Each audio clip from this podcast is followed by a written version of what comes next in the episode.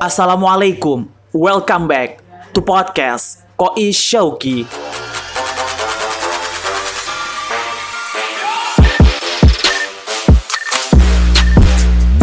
Podcast edisi Minggu 14 Juni 2020 kali ini kita akan bahas tentang keperempuanan ya atau lebih ke eh, feminisme gitu. Jadi buat kalian kemarin-kemarin yang nanyain tentang hak-hak perempuan mana sih yang seharusnya kita merdekakan gitu di era-era saat ini? Ataupun sebenarnya latar belakang munculnya feminis itu apa sih kayak gitu dari golongan-golongan mereka sampai mereka itu harus muncul ke permukaan gitu? Padahal seharusnya kan eh, feminis itu sebuah aliran yang udah udah diajarkan dalam dalam salah satu agama gitu secara komplit gitu tapi ad- masih ada juga salah satu aliran feminis yang membantah bahwa mungkin mereka beranggapan kalau ajaran dari salah satu agama agama tersebut nggak lengkap gitu. Jadi di kesempatan kali ini silahkan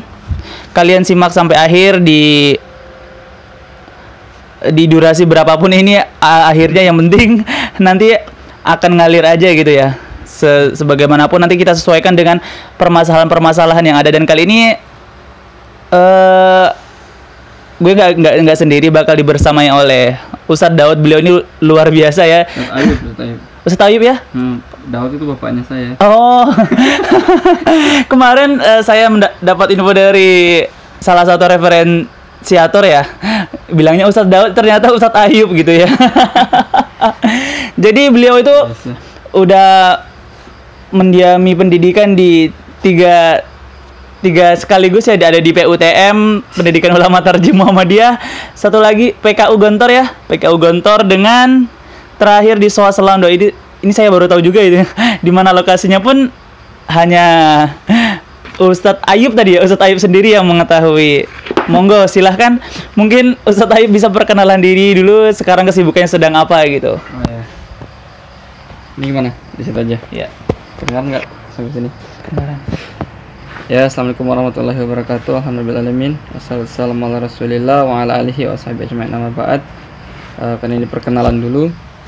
Eh, saya nama saya Ayub. Tadi itu Daud itu nama bapak saya. Tapi biasa lah itu. Pak Habibie aja kan dipanggil Habibie padahal itu nama bapaknya kan. Nama Iya, aslinya Baharudin Yusuf. Eh, mungkin karena nama saya biasa ditulis Ayub Daud kali. Saya Jadi- dari Sulawesi ya itu nama bapak saya.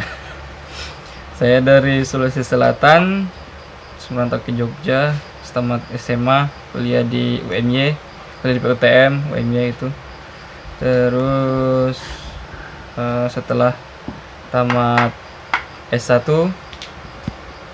karena bingung mau ngapain juga ketika itu terus sama Ustadz Anton mungkin sebagian teman-teman Mas siapa Kois. Mas Koes juga. Mas Koes juga ini sudah familiar. Nah sama Ustadz Anton itu yang ini nyuruh atau merekomendasikan lah. Ah, ah. mungkin dia kasihan lihat saya terlunta-lunta tidak jelas. Kayaknya cuma nonton anime dan lain-lain. Akhirnya suruh pergi ke Gontor ikut program kaderisasi ulama. Itu walaupun namanya terdengar seram itu program kaderisasi ulama. Itu sebenarnya hanya ya tidak hanya sih ya, itu kayak meng- mengecilkan program itu. Tapi maksudnya itu sebuah uh, program belajar intensif selama enam bulan Gitu. Hmm. dan dan uh, fokus ke wacana-wacana keislaman kontemporer jadi meskipun namanya kaderisasi ulama tapi se- sebenarnya fokusnya ke uh, tidak keseluruhan aspek yang harusnya dikuasai oleh seorang ulama tapi cuma masalah pemikiran-pemikiran kontemporer terus setelah itu bisa uh, saya lanjut S2 maksudnya yang SOAS tadi University of. London itu terus ya sekarang setelah lulus eh, ini sekarang kegiatannya ngajar di eh, UAD sama di UNY sebagai guru. Kalau di eh, UAD karena kampus Islam saya ngajarnya bahasa Inggris. Oh. Sedangkan di di ini di di UNY saya ngajarnya ini agama Islam. Karena kampusnya bukan Islam ngajar agama Islam bisa gitu ya? Ya emang mata kuliah umum. Kalau di kan ada mata kuliah umum agama Islam nggak coba di UKDW tat. Universitas Kristen itu. mau sih cuma tidak. Belum pernah nyoba. Oh iya iya iya iya. Nanti ngajarnya Islam kan di sana kan? bisa juga. Iya iya. Eh, ya paling itu sih kegiatan. Terus apa lagi ya? Kegiatan organisasi. Saya pernah aktif di waktu mahasiswa. Organisasi kemahasiswaan salah satunya eh, ini. IMM. apa IMM Oh iya. Ah, kalau tadi kan Mas Kais dari kami. Iya Juga, kami. kalau kami cuma kenal orang-orang perorangan yang nggak pernah aktif di situ. Pernah masuk juga belum? nggak pernah nggak pernah. Oh iya iya iya. ya IMM aja itu sudah saya tidak terlalu ini. Sudah beruntung masuk ya. tidak terlalu mendalami ya. Bukannya mengepremi IMM nya maksudnya saya tidak terlalu dalam juga di bagian organisasinya. Nah di IMM itulah akhirnya saya terpaksa eh, belajar masalah-masalah kayak feminisme itu Hmm. ya, karena di situ saya jadi ini sekretaris bidang Imawati bidang Imawati itu kayak kalau di kami apa nama bidangnya itu Kemuslimahan. ah kemuslimahan ya saya sekretaris sudah sekretaris bidang kemuslimahan lagi Waktu itu eh, ketuanya, ketua bidangnya itu ini Mbak Faiza. Oh iya. Mbak Faiza itu kalau ada yang tapi dia dosen UM ya sih, ya, mungkin anak UAD tidak tahu. Mbak Faiza itu putrinya ini, putrinya eh, Al Allahyarham Ustadz Yunhar Ilyas. Kalau di UAD yang ngajar itu adiknya, kalau tidak salah. Kalau ada yang anak FAI mesti diajar. Oh, Mas Hasnan. Hasnan Pernah. kurang paham juga sih. Saya- nggak aktif di IMM soalnya. Enggak maksudnya kalau anak FAI mesti tahu. Oh iya iya Karena iya. dosen di situ, dosen UAD. Kalau di kita kan kalau di kemuslimahan itu ya, itu yang ngurusin semua itu ahwa- kalau dalam bahasa kita kan ahwat-ahwat gitu Iya, ya. sama. Dari apa namanya dari kabitnya sampai ke anggota-anggota semua itu muslimah ternyata di IMM gitu ya. Baru tahu juga sih. Enggak, saya ini yang pertama di sejarah IMM setahu saya, setahu saya, Oh. saya yang pertama itu di sejarah IMM AR Fahrudin. AR Fahrudin itu kayak cabang Yogyakarta. Oh iya, ya Pak Rudi. Eh, dan nggak tahu mungkin yang terakhir juga setelah saya setahu saya belum ada lagi cowok yang masuk di bidang itu. Dan saya waktu di sana juga di kepengurusannya ya satu-satunya cowok ya saya. Wah, mantap juga ya. enak, Jadi kalau setiap kali ada masak-masak ya saya kemudian nyicipin. nyicip, iya. Emang enak di situ. Makanya jadi di cowok ya? Saya terpaksa ya bukan terpaksa ya terpaksa sih ya dipaksa oleh keadaan untuk membaca-baca eh perihal feminisme feminisme dan lain-lain lah itu masalah-masalah keperempuanan. Jadi ya karena latarnya seperti itu, saya tidak menjanjikan penguasaan yang exhaustif gitu ya. Eksotis. yang yang ini ya maksudnya yang menyeluruh, yang komprehensif banget lah. Ya. Dan nanti kita coba gimana Mas Kai? Oh, iya, iya. Dari- yang sebenarnya latar belakang sebenarnya kita kirain menjadi sebuah apa namanya ya ketertarikan gitu ya dulu memang minat ke bidang perempuanan gitu meneliti di bidang perempuan gitu Enggak, saya diajak sama teman waktu itu. Mau nggak masuk MM cabang? Mau bidang apaan? Terus bidang tapi bidang Imawati saya pikir-pikir ah, seru juga ya udah mau aja lah. iya iya iya iya iya Semua orang kaget itu pas tahu saya ada cowok mau jadi sekretaris bidang Imawati. saya juga sebenarnya kaget nah awal awal eh, Ustadz masuk itu kan pasti memahami ya kira-kira latar belakang isu-isu keperempuanan dulu itu asal muasalnya diangkat tuh digara- dikarenakan apa? Apakah karena ada penjajahan gitu di, di negara-negara tertentu? Karena yang rata-rata kalau muncul pergerakan pasti ada sesuatu yang tidak merdeka gitu kan? Ya betul. Eh kalau kalau kita langsung bicara soal feminisme aja ya, iya saya mungkin perlu didefinisikan dulu. Hmm. Feminisme kan biasanya banyak orang feminisme itu sangat luas. Kalau Mas KS sendiri sebenarnya selama ini feminisme itu apa? feminisme sih yang saya pahami ya. Apaan? Se- sebuah aliran ya dia dia tuh me- me- mendefisitkan lebih kepada cara memperdekakan perempuan cara perempuan itu memang eh, nggak ditindas lagi kan karena mungkin ya saya yang saya baca di itu ada di zaman zamannya revolusi industri nggak salah ya. Mm. dia tuh fe- eh, orang-orang yang dipakai di zaman itu kan cuma laki-laki ya. Karena yang yang dibolehkan bekerja yang dibolehkan untuk memimpin pada saat itu kan hanya laki-laki. Sedangkan eh, perempuan itu hanya dibolehkan untuk masak-masak kayak begitu. Nah yang kebe- kemudian aliran-aliran itu berkembang. Hmm.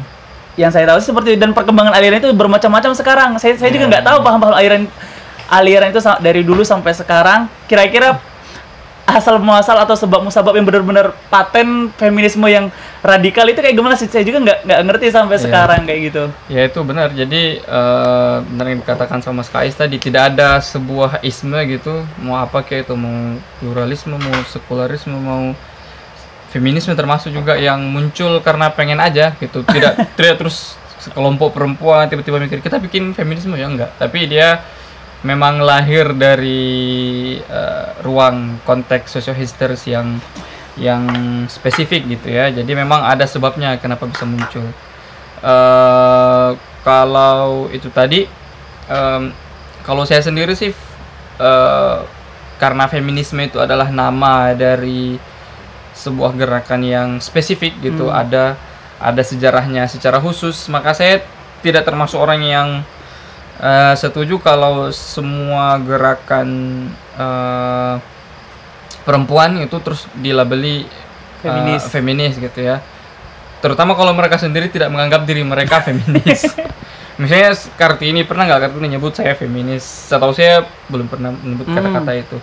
Tapi apakah beliau bisa disebut sebagai feminisnya itu perdebatan yang lain lagi lah. Cuma memang sekarang ini eh, kalau orang memakai kata feminisme itu biasanya merujuk kepada dua hal. Eh, pertama biasanya memang merujuk ke sebuah gerakan, sebuah isme yang memang muncul secara dalam konteks sejarah yang spesifik di Eropa dan Amerika Serikat gitu. Eh, yang awalnya awal kemunculannya itu karena ada beberapa perempuan di sana yang menuntut hak-hak dasar hak hak sipil seperti hak memilih terus hak hak properti eh, dan seterusnya dan mereka memang menamakan ya meskipun di awal tidak tapi belakangan kemudian menamakan diri mereka sebagai uh, feminisme dan salah satu konferensi pertamanya di Paris itu tahun 1920-an kan disebut sebagai konferensi feminis feminisme. Jadi memang uh, mereka menyebut diri mereka sebagai uh, feminisme. Jadi jadi bagi saya sendiri yang disebut sebagai feminis adalah mereka yang menisbatkan dirinya ke sebagai kelanjutan dari gerakan itu. Hmm. Ya, jadi kalau seseorang yang tidak merasa merupakan kelanjutan dari gerakan itu, meskipun mereka berjuang untuk perempuan, eh, bagi saya sendiri ya tidak layak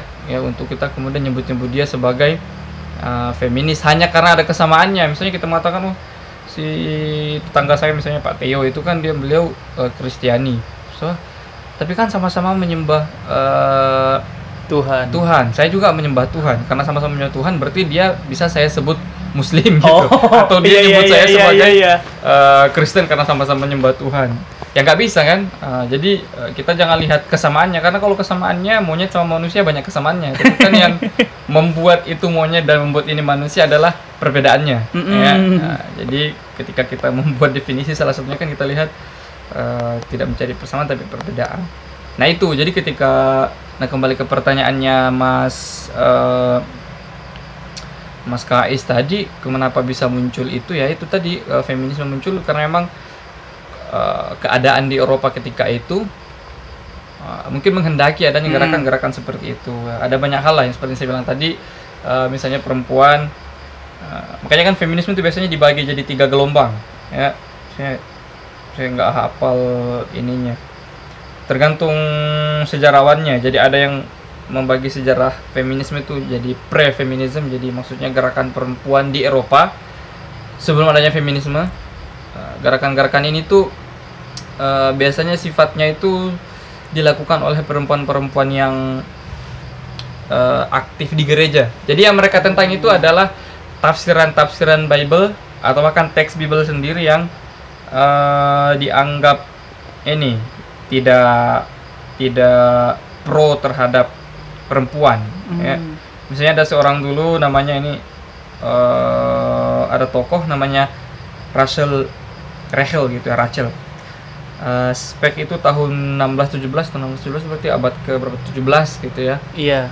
Uh, dia pertama kali yang dia perjuangkan pertama itu adalah bagaimana biar tafsiran tentang ayat-ayat Genesis, ayat kejadian dalam dalam dalam Bible itu tentang kejadian Adam dan Hawa itu tidak ditafsirkan melecehkan perempuan. Kalau dalam Kristen kan dikatakan misalnya kan Hawa uh, Eva Eva gitu menggoda Adam se- uh, sehingga Adam makan buah terlarang gitu atau kar- atau karena uh, Eva itu diciptakan dari Adam sehingga Eva lebih rendah atau si si Hawa itu lebih rendah dari Adam gitu. Nah, uh, si tokoh ini membuat tafsiran yang terbalik. Uh, katanya sebenarnya itu tidak menunjukkan bahwa Hawa itu bersalah, itu salahnya Adam sendiri. Ngapain dengerin Hawa gitu ya. Kalau dalam Islam kan kita tidak punya problem teologi seperti itu karena dalam Islam kan uh, dua-duanya tergoda kan. Iya. Azallahuma asyaitan. Jadi huma itu kan mereka berdua. Jadi dua-duanya itu digoda sama setan. Macam-macam lah. Uh, kemudian masuk uh, feminisme gelombang pertama. Feminisme gelombang pertama itu uh, tuntutannya adalah yang tadi saya bilang tadi hak memilih. Ya karena dulu uh, perempuan di Eropa tidak tidak punya hak milih Uh, kemudian uh, hak hukum kesetaraan di depan hukum dan uh, kesempatan mendapatkan pendidikan. Nah jadi itu di di uh, apa feminisme gelombang pertama tuh itu. Uh, terus uh, berikutnya feminisme gelombang pertama itu yang dari dari awal abad ke-19 di Eropa. Lalu kemudian feminisme eh, gelombang kedua. Kenapa disebut gelombang kedua? Karena semangatnya itu sudah berbeda sama feminisme gelombang pertama. Mm. Eh, feminisme gelombang kedua itu tahun 60-an, 70-an. 60-an sama 70-an itu kan perempuan sudah bisa memilih gitu. Su- sudah ini maksudnya makanya kita ngomong feminisme itu konteksnya bukan di Indonesia ini. Oh iya iya iya. tapi konteksnya di di barat yang saya bilang tadi Hmm, hmm. cuma di Indonesia ada paralelnya juga lah kalau kita mau pengen ngomongin di Indonesia tapi ini kita ngomongin feminisme di barat dulu Oh iya siap. Ya, jadi tahun 1960 70-an itu kan eh, perempuan sudah boleh memilih kemudian eh, hak hak hukumnya sudah terjamin Oh, iya. terus apalagi yang dikeluhkan sama feminisme gelombang kedua ini eh eh, di antaranya misalnya terkait dengan hak-hak eh, eh, reproduksi gitu masalah KB dan seterusnya terus eh, muncul juga gugatan-gugatan kayak eh, terhadap misalnya objektifikasi tubuh perempuan Hmm. kayak mitos-mitos kecantikan bukunya di situ Naomi Wolf itu gelombang kedua nggak sih belum Ah, banget. iya, iya. sama ini apa puncak awalnya itu dari eh, tahun 60-an awal di beauty mystic itu iya Ya. Eh, nggak ada kontes Amerika kontes kontes apa kecantikan Miss Ya, Miss, Miss ah, jadi salah satu momen feminisme gelombang kedua itu ada namanya eh, burning bra, jadi kayak Iya, burning bra. bakar jadi kutangnya. bra, Ya. bra. itu untuk apa dia bakar kutangnya sebagai protes terhadap objektifikasi perempuan. Maksudnya perempuan dijadikan kayak objek. Terus ada idealisasi tubuh. Misalnya perempuan itu harus putih, harus tinggi. eh Standar kata ya, kecantikan gitu standar ya. kecantikan yang dipaksakan dalam tanda kutip dipaksakan sebenarnya nggak dipaksa tapi selalu muncul di mana-mana kalau mau cantik harus pakai ini harus pakai ini nah itu yang kemudian salah satu isu utama feminisme gelombang kedua ya kan Termasuk mereka sudah Simon. bisa sudah dapat hak eh, memilih sudah dapat hak apa lagi hak eh, huk eh, hak properti hak Hmm. milik nah itu sudah selesai lah tapi kok kita masih belum bahagia kata perempuan-perempuan barat itu Iya, iya, Terus iya, kenapa iya, kita iya. nggak bahagia ya oh ternyata terlalu banyak tekanan kepada kita tekanan itu dari mana-mana misalnya dari industri kalau mau cantik harus putih terus gimana harus langsing dan seterusnya makanya itu salah Hmm. satu yang mereka tentang gitu. terus eh, singkat cerita habis itu ada fe- feminisme gelombang ketiga. Gelombang ketiga itu intinya dia menganggap feminisme gelombang kedua itu terlalu terlalu eurosentris terlalu ba- eh, barat sentris gitu. Itu cuma aspirasi perempuan-perempuan kulit putih.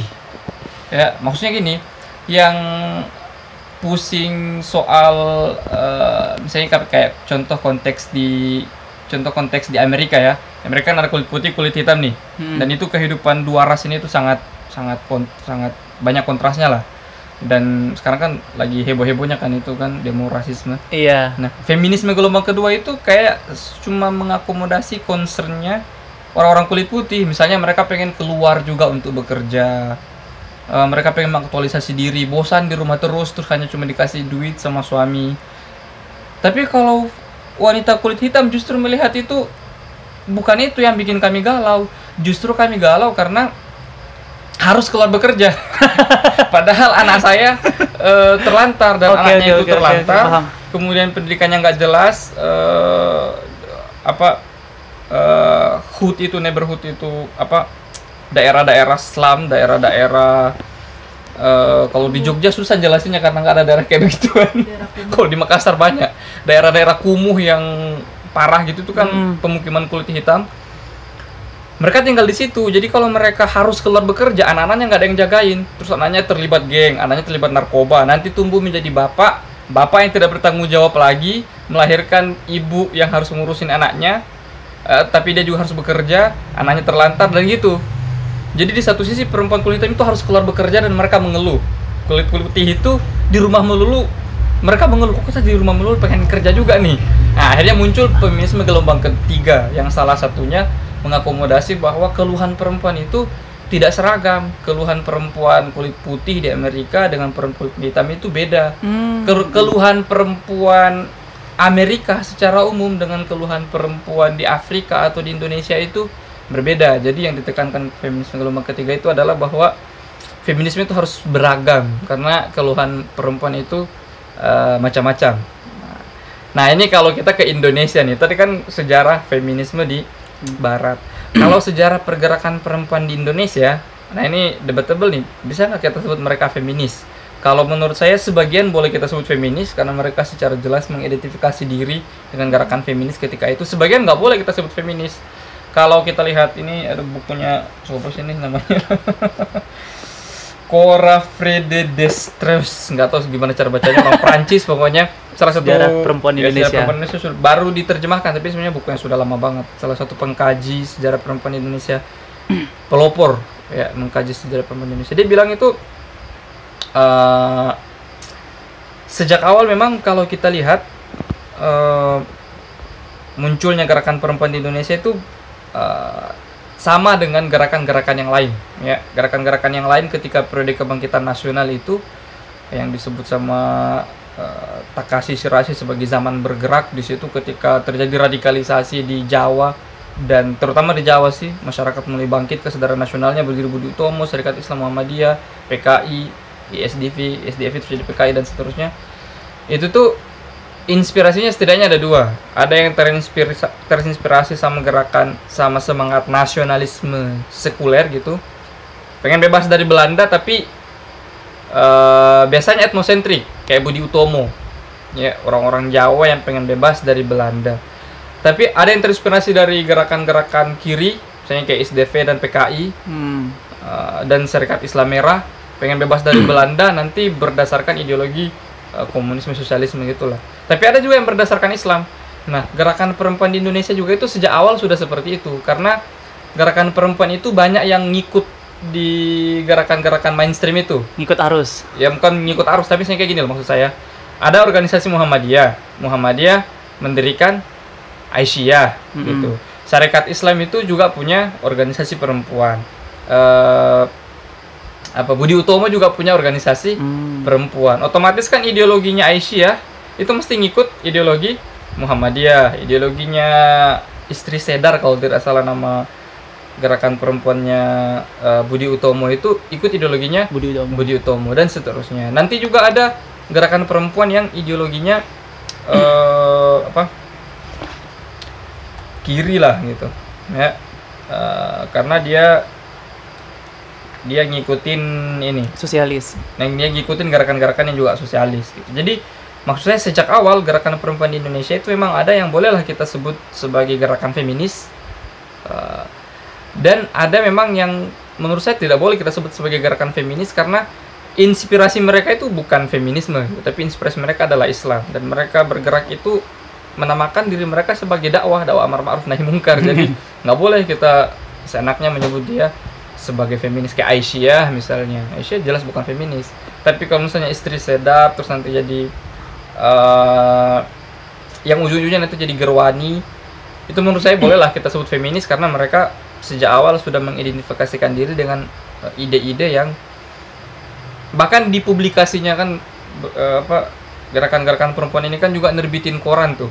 Nah, saya Aisyah ada suara Aisyah yang sudah lama sebelum merdeka salah satu publikasi gerakan perempuan di Indonesia itu meliput ketika ada yang saya bilang ada konferensi feminis di eh, di Paris itu. Iya. Nah, mereka meliput itu. Oh, oh. dan artinya kan mereka setuju tuh dengan gerakan feminis itu. Jadi boleh kita sebut sebagai gerakan feminis.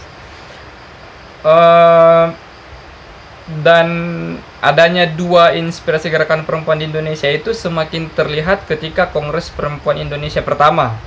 Kalau tidak salah saya cek contekan jadi di situ tuh ini sebenarnya sama-sama ini sama-sama pengen membe- membebaskan perempuan membebaskan di sini maksudnya memberikan akses yang lebih terhadap pendidikan satu. Terus eh, tuntutannya itu tipikal begitulah. Eh, jangan menghindari nikah muda nikah nikah dini gitu. Mm-mm. biar mereka karena kayak gini sebenarnya menghindari nikah dini itu s- ada hubungannya dengan yang tadi maksudnya kalau dia terlalu cepat menikah dia jadi tidak ada kesempatan untuk sekolah Oh iya iya iya iya. jadi iya, iya, paham. kalau kita mendorong perempuan untuk sekolah itu sudah otomatis menunda usia pernikahannya Hmm. Nah, sehingga seenggaknya 18 tahun lah itu baru boleh menikah kata beberapa aktivis perempuan di zaman itu sekarang disebut sebagai periode asosiasi karena di situ banyak asosiasi-asosiasi dibentuk gitu ini kalau di Indonesia tuh nah eh, salah satu yang menggambarkan eh, Nah, ini salah satu yang menggambarkan adanya perbedaan ideologi itu adalah ketika Kongres eh, Perempuan Indonesia yang pertama tadi itu terjadi perdebatan, Nah, terjadi perdebatan antara eh, ini kelompok kelompok-kelompok wanita yang terinspirasi oleh Islam, kayak Aisyah, eh, versi cabang perempuannya Jong Islamiten Bon gitu, terus cabang perempuannya Syarikat Islam dengan gerakan-gerakan yang eh, lebih terinspirasi oleh ideologi ideologi yang tidak Islam. Boleh kita katakan feminis mungkin menginspirasi mereka juga, tapi kebanyakan kayak gerakan eh, sosialisme dan seterusnya.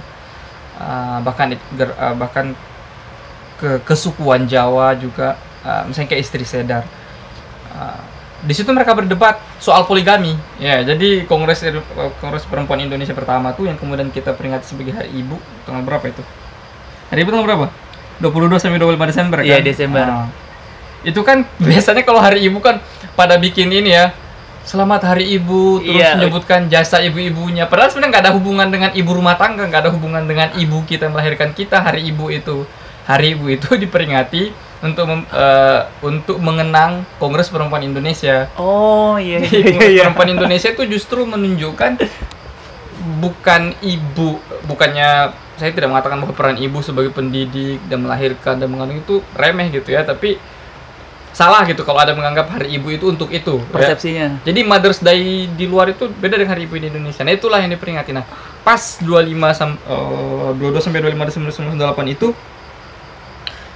ada Kongres Perempuan Indonesia pertama di situ sudah ada perdebatan ya antara kelompok-kelompok perempuan yang sebenarnya sama-sama pengen memberdayakan perempuan kalau kita pakai istilah memberdayakan lah. Tapi ada yang pro poligami, ada yang anti poligami. Nah, jadi eh, kelompok perempuan yang kayak istri sedar itu yang kemudian nanti menjadi gerwani, gerwis terus gerwani itu menganggap poligami itu ya sudah harus dihilangkan aja gitu. Terus karena itu termasuk hal yang harus kita buang untuk supaya perempuan Indonesia itu bisa maju. Hmm. Nah, sedangkan dari kayak misalnya dari Aisyah, terus eh, perempuannya Jong Islamiten Bond dan seterusnya itu mengatakan poligami itu bukan penghambat untuk perempuan bisa maju. Dan poligami itu adalah ajaran Islam. Gak mungkin kami kemudian eh, menghapuskan itu. Nah di situ kita lihat bahwa orang-orang ini tuh nggak layak disebut sebagai feminis, tapi mereka adalah aktivis Islam gitu. Iya. dakwah daiyah lah gitu atau apa uh, mujaddidat para mujaddid karena mereka tetap mengutamakan Islam dahulu. Nah, Islam sebagai uh, aslunya lah gitu sebagai pondasinya. Sehingga ketika ada yang pengen sama sekali menghilangkan poligami uh, mereka bukannya mereka juga mengkritik praktek poligami yang tidak adil tapi bukan berarti harus menghilangkan poligami sama sekali. Hmm. Karena poligami bagaimanapun di, di- diizinkan oleh Allah Subhanahu wa taala. Penting adil kan. Nah, jadi di situ uh, dan dua gerakan perempuan ini sama-sama berevolusi memasuki uh, gerak uh, kadang-kadang bekerja sama, kadang tidak sepakat memasuki Indonesia merdeka. Nah, sayangnya itu Gerwani karena dia punya koneksi dengan PKI sehingga ketika periode pem- pembersihan simpatisan PKI itu Gerwani ikutan jadi sasaran kan. Uh, Saya itu debatable lah, tapi sudah banyak penelitian yang menunjukkan bahwa bahkan ada buku tulisannya itu Gerwani bukan PKI, carilah nanti itu. Oh iya iya iya. Ya, itu satu tesis. Kalau kalian punya tesis yang lain ya ajukan, tapi harus ada datanya, harus ada yang benar. Intinya waktu itu Gerwani dianggap bagian dari PKI sehingga terjadi eh, penghancuran secara sistematis terhadap organisasinya sehingga ya sudah mati. Salah satu salah satu cikal bakal gerakan perempuan di Indonesia yang bisa kita katakan feminis itu mati secara organisasi tapi sekarang kan muncul lagi tuh nah baru setelah itu feminisme yang dari barat tadi itu baru ada pengaruhnya secara langsung ke Indonesia ketika Sidau Iya, Indonesia meratifikasi SIDA itu tahun berapa itu? tahun 84 kalau Iya, setelah konferensi di di mana itu? Tokyo, Beijing. nggak lupa Iya, Beijing itu ya. Iya, iya. Nah, SIDO itu eh C-nya apaan sih?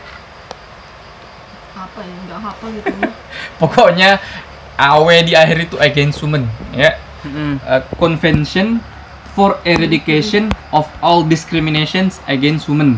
Ya, jadi Indonesia meratifikasi itu konvensi untuk menghilangkan seluruh bentuk diskriminasi terhadap perempuan. Di SIDO itu ya banyak hal-hal yang kemudian debatable juga. Banyak negara Islam yang meratifikasi SIDO itu, meratifikasi itu setuju gitu ya tapi bikin nggak tahu apa istilah hukumnya yang penting kalau bahasa awamnya itu oke kami menerima itu tapi bagian yang ini enggak karena tidak sesuai dengan jati diri bangsa kami Mm-mm. Nah, Indonesia kurang lebih adalah suara-suara seperti itu. Nah, di Indonesia tuh tarik ulur juga ya organisasi-organisasi eh, Islam, perempuan Islam kebanyakan tidak seradikal organisasi feminis. Ada ada hal-hal yang sampai sekarang kita lihat lah ya. Tadi kan saya sudah ngomong ya di Indonesia sejak awal gerakan perempuan itu punya dua inspirasi yang berbeda. Mm-mm. Eh, kadang bisa bekerja sama, kadang tidak Kontradiktif. kadang harus berbeda jalan ketika prinsipnya mengharuskan berbeda. Iya. maksudnya nggak usah disama-samakan lah gitu ya. sampai sekarang pun kayak begitu. Misalnya yang terakhir apa? Yang terakhir eh, RUU PKS bukan sih? dulu banyak lah RUU yang jadi perdebatan. Kalau kita ke belakang lagi ada RUU APP anti pornografi dan porno aksi. Oh iya. ya itu kan yang memperdebatkan ya perempuan-perempuan juga gitu ya. Perempuan yang feminis mengatakan RUU APP nggak boleh disahkan. Kenapa? Karena nanti berpotensi me- apa menghambat menginvasi ruang privat dan seterusnya dan seterusnya. Sedangkan yang Islam ya otomatis mendukung lah. Terus nanti ada RUU KKG rencana undang-undang kesetaraan dan keadilan gender. Keadilan gender. Keadilan. Pokoknya KKG keadilan dan Iya. Nah, itu giliran feminis yang oh ini harus disahkan nih karena bla bla bla bla. Sedangkan Islam setelah me- mem- mencermati RUU KKG itu jangan tanya saya de- detailnya seperti apa. saya juga sudah lupa detailnya seperti apa yang Iya, penting iya. itu kontroversial. Mm-mm. Artinya sama-sama organisasi perempuan juga yang memperdebatkan dan sama-sama pengen kebaikan untuk perempuan. Nah, cuma konsepsinya tentang apa yang baik untuk perempuan itu berbeda. Nah, terakhir itu termasuk RUU PKS. Iya. Yang menolak RUU PKS itu bukannya pengen biar perempuan dirundung, dilecehkan dan seterusnya. Tapi ada hal-hal yang secara konseptual mereka tidak uh, sepakat. Misalnya, misalnya kalau ada perempuan dilecehkan itu disebut kekerasan seksual apa kejahatan seksual sih. Nah, itu kan Dua hal yang berbeda. nah itu perdebatkan. Ya, saya kembalikan ke itulah kira-kira kayak penyemangat ya. oh iya. Overview sejarahnya ya, kenapa bisa banyak orang yang sama-sama pengen me- memajukan kehidupan perempuan gitu, pengen menyayangi perempuan atau gerakan perempuan yang ingin memberdayakan diri mereka tapi bisa berdebat sama mereka. Oh iya iya paham. Nah kalau dari penjelasan tadi berarti yang yang jadi permasalahan adalah krisis krisis identitas itu sendiri ya, yang artinya Ya. Gimana itu? eh, ketika gerakan perempuan itu eh, membela apa? Berarti yang menjadi ciri khas itu ketika dia di- bisa dilabeli feminis, apakah itu membela ide-ide tertentu misalnya tadi kayak hak memilih dan dipilih ketika ada perempuan yang membela itu berarti apakah mereka udah udah pantas dilabeli feminis ataupun misalnya ketika awal tadi ketika kesetaraan tentang boleh bekerja dengan enggak atau lebih kepada kayak patriarki gitu ya. Apakah itu udah bisa disebut feminis? Nah, identitas yang menjadi ciri khas feminis itu sendiri tuh seperti apa gitu? Kalau saya ini bukan cuma saya sih dari yang saya baca misalnya ke- ke- kebetulan kemarin saya sama istri habis ini banyak bu- baca buku tuh mana sih bukunya Eh, tentang Islam, feminisme dan Islamic feminism. Artinya bisa nggak ada Islamic feminism atau feminisme dan Islam itu harus dipisah nggak? Oh iya. iya, itu iya. di antara para feminis sendiri itu berdebat Uh, dan eh, rumit lah kalau kita berbicara tentang uh, secara teoritisnya. Iya. Yang penting intinya bahkan sebagian feminis sendiri mengatakan kalau orang itu nggak menyebut dirinya feminis dan dia mengambil inspirasinya bukan dari feminisme barat, dia mungkin hanya menggunakan beberapa metode feminis, nggak boleh kita se- seenaknya menyebut dia sebagai feminis. Ini yang ngomong ini seorang feminis Afrika Selatan namanya Fatimah Sedat tuh. Oh. Eh, jadi kayak gitu. Nah, misalnya sama-sama sama-sama eh, apa? Pengen biar perempuan dapat sebutlah apa? Yang paling sering sih paling masalah kecantikan gitu ya. Kecantikan apa dalam produk-produk Oh, produk pakai jilbab deh, pakai jilbab. Oh, jilbab. Boleh nggak perempuan eh, dilarang pakai jilbab? Oh iya. Ya, atau saya kan tiba-tiba eh, jangan dikira banyak feminis yang mengadvokasi jilbab. Maksudnya itu mereka juga tidak sepakat kalau misalnya perempuan-perempuan yang pengen pakai jilbab dilarang pakai jilbab. Ah, Hmm. Tapi apa yang membuat mereka tetap feminis, tidak jadi ukti? yang membedakan mereka misalnya ini nih, tetap ukti-ukti kami eh, mendukung siapa ya dulu ya? Dulu ada ada ada seseorang yang saya kenal secara personal itu, namanya Mbak Mbak Anita juga. Sekarang beliau di Jogja, tapi bukan Anita yang istri saya. Oh iya, Dulu anak ITJ. Dulu ketika dia di Bali itu dia dilarang pakai jilbab sama sekolahnya. Nah, sempat heboh lah. Nah, itu kan yang membela jangan dikira cuma aktivis ini doang, Islam. aktivis Islam doang. Beberapa aktivis feminis membela dia. Nah, tapi apa yang membedakan antara aktivis Islam ini dengan aktivis feminis ini? Padahal sama-sama membela seseorang biar sama-sama pakai jilbab. Nah, yang membedakan adalah eh, motif ideologisnya. Nah, biasanya feminis itu salah satu eh, rukun iman, salah satu kayak apa ya, jargon eh, Ciri khas. dasar Oh, ciri dasar. Eh, dasar berpikirnya, landasan berpikirnya adalah otoritas tubuh, ya, otoritas atas tubuh. Eh, maksudnya my body is my right gitu misalnya. Oh kan. iya iya. Tubuh ini adalah hakku. Sehingga ketika dia memutuskan pakai jilbab, ya itu haknya dia. Ah, sehingga dari situ kemudian dia menyimpulkan perempuan yang pakai jilbab terus dilarang-larang pakai jilbab harus dibela karena memakai jilbab adalah haknya dia. Mm-mm. Nah dia feminis kalau cara berpikirnya kayak gitu. Cuma kalau ada yang cara berpikir yang mengatakan oh jilbab itu adalah kewajiban dari Allah dan dia sebagai ham- eh, makhluk yang diciptakan oleh Subhanahu wa taala se- untuk menjadi khalifah dan menjadi abid salah satu bentuk menjadi khalifatullah dan menjadi abdullah eh, di muka bumi adalah menjalankan syariat salah satu bentuk syariat itu adalah menutup aurat menutup aurat dengan cara memakai jilbab sehingga kalau ada orang yang dilarang memakai jilbab maka harus diadvokasi supaya dia bisa memakai jilbab nah, ini kan ujung-ujungnya sama tuh sama-sama membela orang biar pakai jilbab, Jilbab. tapi berasal dari Pondasi yang eh, berbeda. pondasi yang sama sekali berbeda. Nah, sama juga yang perjuangan perempuan tahun 19 sep- eh, 18 1920-an itu. Aisyah misalnya pengen biar perempuan sekolah. Istri saya tadi juga pengen biar perempuan sekolah. Tapi Aisyah kenapa pengen perempuan sekolah? Karena pendidikan adalah eh, talabul ilmi firdatalakul muslim muslimah gitu ya. Nah, jadi premisnya itu sangat islami.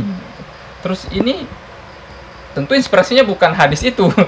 Walaupun sama-sama pengen perempuan sekolah gitu. Itu kalau konteks zaman dulu. Jadi yang satunya jelas bisa kita sebut sebagai feminis, yang satunya lagi jelas tidak boleh seenaknya kita sebut sebagai feminis kalau kita pakai tesisnya Fatimah Sedat itu tadi Hmm. Fatimah Sedat itu feminis dari Afrika Selatan Berarti ini lebih kepada cara berpikir ya, cara bertindak. betul Yang- sekali namanya feminisme itu kan ismnya namanya kan adanya di adanya di kepala Iya. Nah itulah makanya kadang-kadang ada juga kawan-kawan ini saya pernah orang anak-anak kami yang biasa nanya saya gini, misalnya di kampus ada isu gitu, apalah kita konkret aja lah, misalnya isu pelecehan seksual.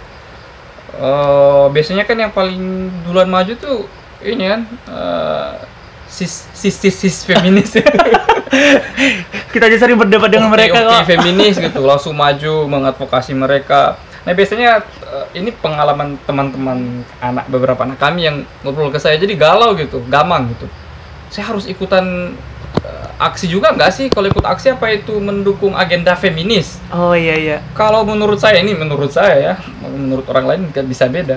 Kalau menurut saya coba kamu lihat aja itu kejadiannya dari perspektif sebagai seorang muslim. Itu satu hal yang layak dibela nggak misalnya? Sebagai seorang muslim. Uh, dilecehkan secara seksual jelas di dalam Islam ya nggak boleh. Dalam Islam kan ada istilah qadul basor gitu Iya. menjaga pandangan. Maksudnya dalam Islam bahkan ada istilah pelecehan seksual visual. gitu.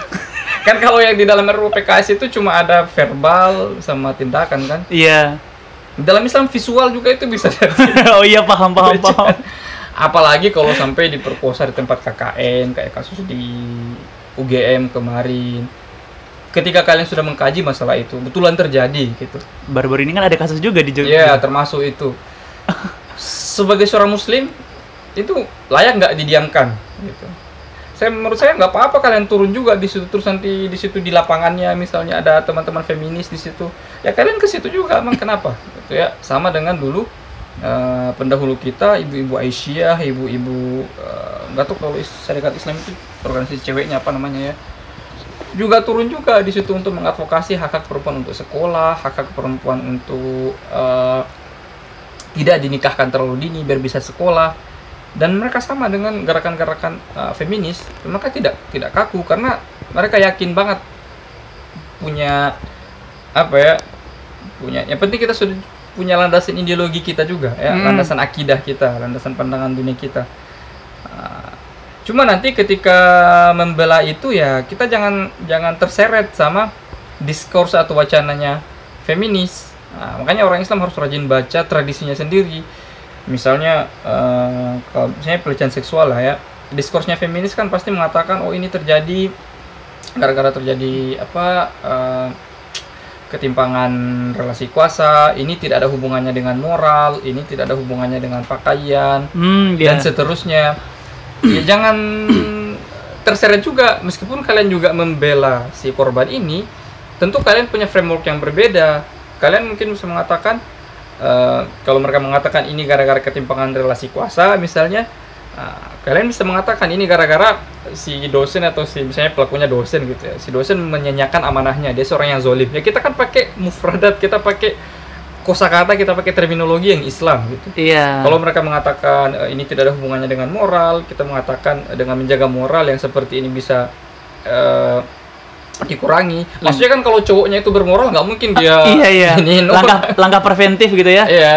Kalau mereka mengatakan kita nggak boleh victim blaming eh, dengan caranya nanya-nanya pakaiannya apa, kita juga mengatakan ya memang kita nggak boleh victim blaming, tapi kita tetap punya hak untuk mengampanyekan untuk aurat itu ya tanpa menyalah-nyalahin eh, itu. Maksud saya bolehlah kita ikut juga dalam isu-isu yang seperti itu bahkan harus aktif malah karena eh, ya nanti orang Islam dianggap oh, orang Islam tuh kalau ada pelecehan gini-gini kok diam aja gitu. Itu kan nggak enak juga. Selama ini pernah demo begituan nggak kami? Baru concern itu ter- terkait yang kasus kemarin itu yang di Jogja itu terkait salah satu mahasiswa di alumni mahasiswa swasta di Jogja. oh ya itu. Itu nanti diedit aja. Jadi ya di alumni mahasiswa itu kan eh, di diduga ya Mas ya? ya belum, diduga. belum ada proses hukum. Mm-mm, eh, melakukan pelecehan melalui itu eh, Yang cacat itu obrolan obrolan chat. macam-macam sih ada chat ada bahkan ada yang saya ada korban yang sampai mengaku di perkosa kan maksudnya ada sudah ada serangan fisik sebenarnya Cuma di Ada sini yang mengaku disentuh-sentuh juga Iya, di sini yang jadi framingnya feminis itu kebetulan yang diangkat dia itu penokohan Islamnya bagus. Ketika dia statusnya mahasiswa berpresta- berprestasi dan dia dalam framingnya tuh dia tuh dalam tanda kutip alim ya, alim dalam lingkungannya dalam circle-nya. kan gitu.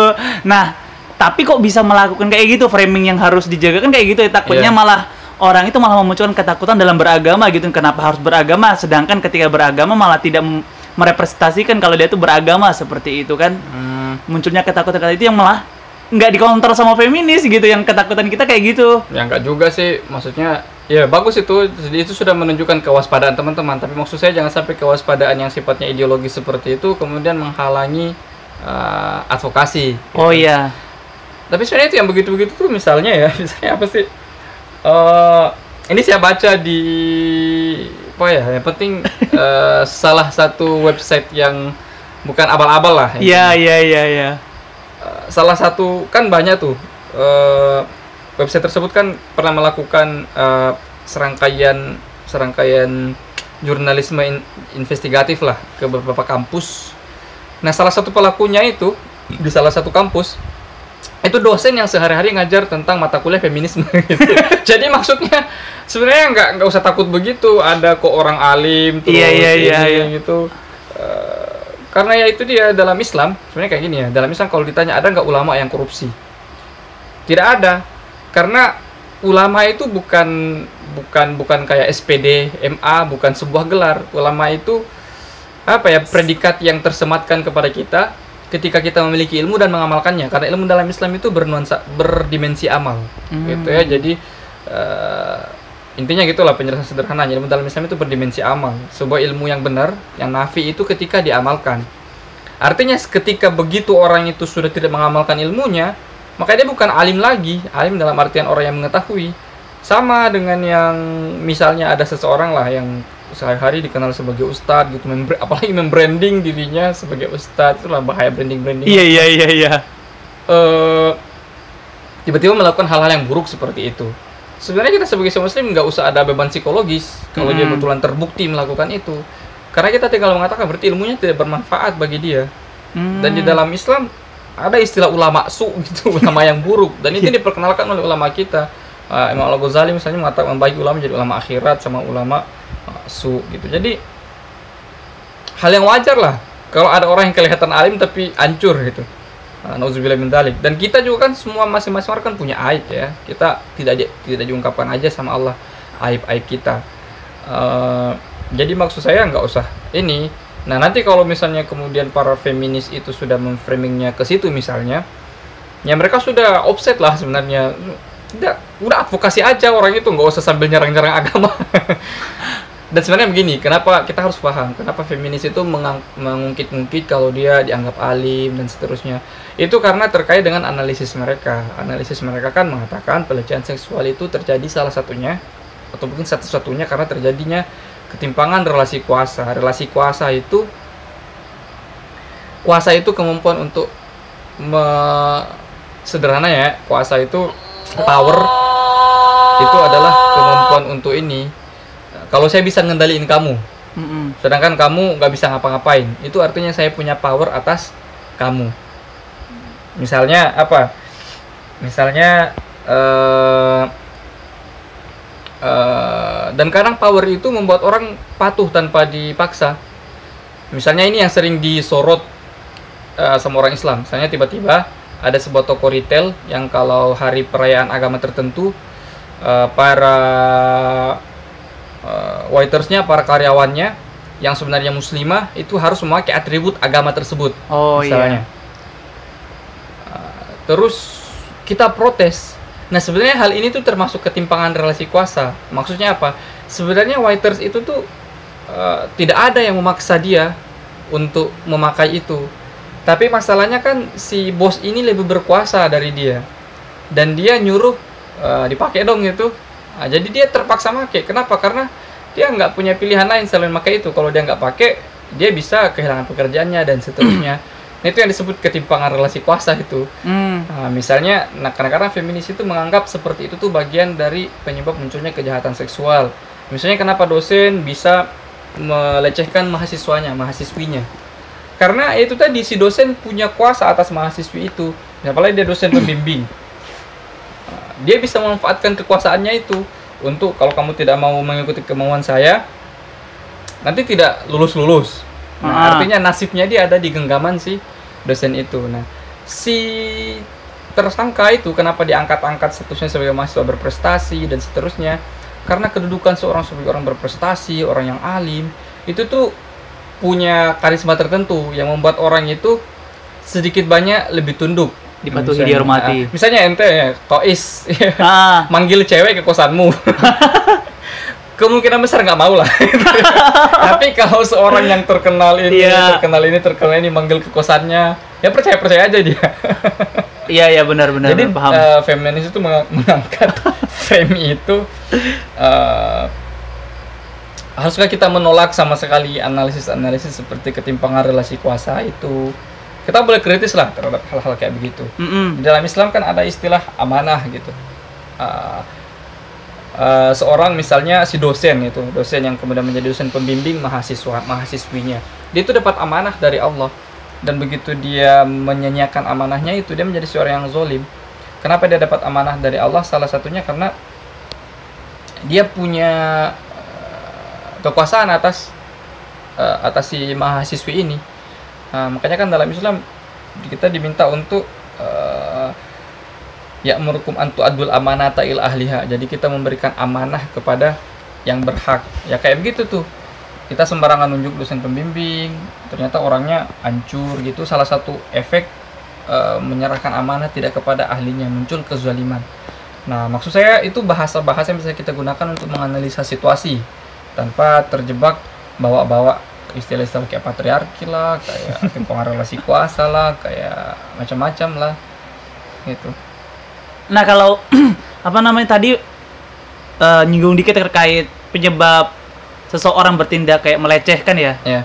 itu yang sering-sering dibawa feminisme yang seperti yang tadi Ustadz bilang tuh Hmm. terkait kebebasan kita berpakaian. Nah, Nah, ya, kalau kita dalam konsep eh, agama yang saya pahami kan tanggung jawab berdua dari laki- sisi laki-laki maupun benar. perempuan itu memang ada Iya, kan. iya. Nah, tetapi dalam konsep yang saya pahami tentang feminis itu mereka berpandangan kalau saya berpakaian seksi ya itu tanggung jawab kalian sebagai laki-laki untuk mengontrol betul. mengontrol Iya. mata, mengontrol nafsunya. Nah, kalau Ustadz menyikapi seperti hal itu kayak gimana itu? Ya itulah kita em, itu namanya we disagree gitu ya. Kita dengan segala hormat para feminis kita kami tidak sepakat dengan analisisnya itu. Memang kalau kita lihat data-datanya misalnya eh, ini saya kasih contoh lah. Dulu zaman Nabi ada seorang sahabiat yang pergi sholat di tengah jalan pergi sholat diperkosa orang. Nah kamu bisa bayangkan sahabiat Nabi gitu. Pasti dia menutup aurat bener kan? Terus pergi sholat lagi. Mesti dia menutup aurat dengan benar. Tapi masih aja dia diperkosa orang. Jadi Oh, artinya iya. memang tidak bisa mutlak kita katakan seseorang itu diperkosa karena dia berpakaian seksi atau seseorang ketika sudah menutup aurat tidak mungkin dilecehkan gitu. Karena itu itu itu hadis dalam Sunan Abi Daud itu betulan terjadi. Eh, artinya memang em, apa namanya retorika-retorika seperti ya salah sendiri sih pakai baju seksi itu Iya. menurut saya tidak islami juga itu tidak nah itu kan kasus itu kan dilaporkan kepada Nabi Muhammad Iya. Nabi Muhammad nggak nanya ke perempuan itu tadi kamu pakai baju apa? Kamu tadi lewat di mana? Kok bisa bisanya kamu diperkosa? Enggak dia nggak ngomong gitu. Eh, tadi perempuan itu kan salah nunjuk orang. Hmm. terus eh, dan Nabi mengatakan eh, apa Allah telah mengampunimu? Maksudnya Nabi itu malah punya empati kepada perempuan itu. Sehingga kita kalau misalnya ada seorang korban pelecehan seksual yang pertama kali kita lakukan "Oh, salah sendiri pakai baju itu menurut saya itu tidak islamik gitu tidak sesuai dengan sunnah Nabi lah bid'ah mungkin. Beda tundolalah. nah eh, maksud saya retorika-retorika seperti itu juga tidak sesuai dengan Islam Eh, iya kita mengampanyekan menutup aurat tapi tempatnya beda lah gitu Beda beda. jangan langsung aurat lah yang dibawa di sini gitu karena bagaimanapun eh, memperkosa itu suatu hal yang buruk Mm-mm. regardless gitu Eh, mau siapa pun yang diperkosa mau dia perempuan yang tidak Islam mau dia Islam mau berpakaian seksi mau dia telanjang mungkin karena dia orang gila sehingga dia ke mana-mana telanjang. Itu mutlak nggak boleh gitu. Tidak ada justifikasi untuk sebuah pelecehan seksual dalam Islam. Jadi kalau ada yang mencoba membenar-benarkan itu terus dia mengaku aktivis Islam saya nggak tahu dalilnya apaan gitu. Mungkin ada dalilnya nggak tahu juga saya.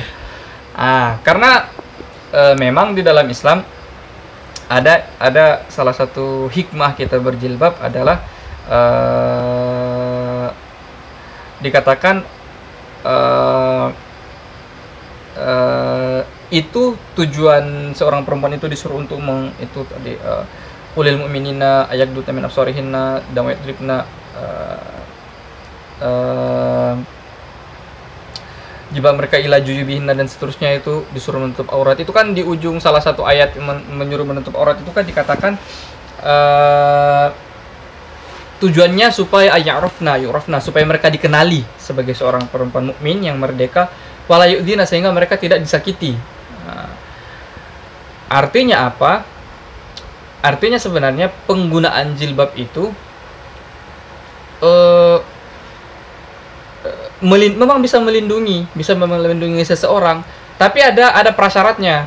Prasyaratnya adalah komunitas itu punya kesadaran untuk al mukminuna wal mu'minatu yashuddu ba'duhum ba'dha, saling menguatkan. Maksud saya gini, misalnya kamu nih, kamu mukmin, kamu lewat jalan di sebuah tempat tiba-tiba ada perempuan yang pakai jilbab terus